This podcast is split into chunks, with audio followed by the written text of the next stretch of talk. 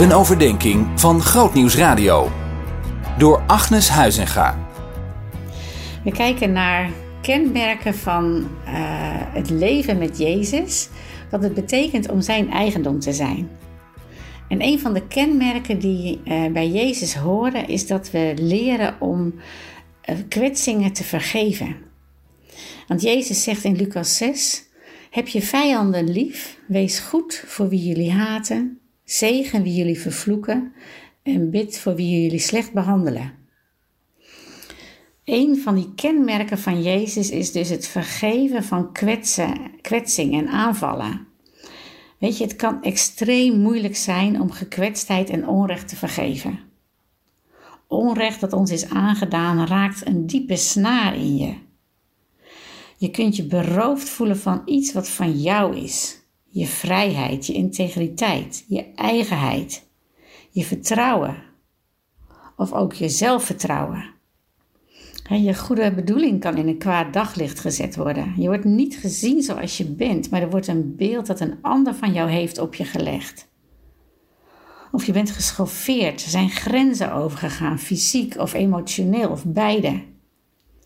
Vergeven raakt jou en mij in die identiteit, weet je? Omdat als je erg gekwetst bent, je beschadigd kunt raken in je zijn. Dus het gaat niet over, zoals we dat noemen, het gaat niet over zweetvoeten. Natuurlijk zijn er veel gradaties in, in de mate waarin je gekwetst kunt zijn. Het hangt af van je leeftijd, de mate waarin je afhankelijk bent van een ander en of je in staat bent om te zien wat waar is en wat niet. En het hangt ook af van de mate waarin grenzen zijn overschreden, waarin je onder druk of gemanipuleerd weet. En, en, hoe, en hoeverre je veerkracht hebt om dat weer los te laten.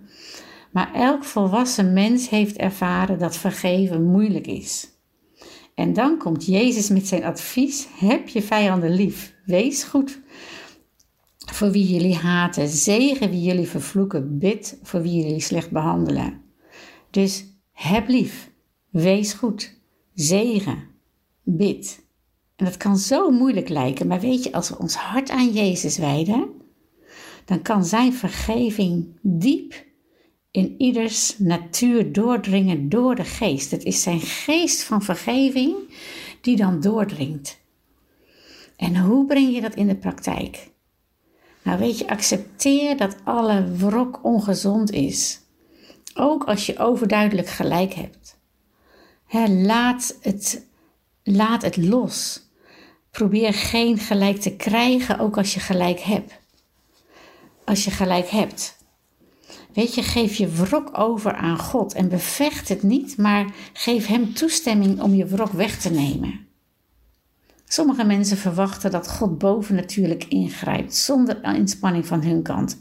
God zal zijn deel doen, maar wees jij ook bereid om jouw deel te doen. Vrij zijn van wrok is niet alleen het resultaat van jouw wilskracht, het is ook Gods wil voor jou. Zien in nog een podcast? Luister naar Bij Jorike, de podcast, via grootnieuwsradio.nl slash podcast.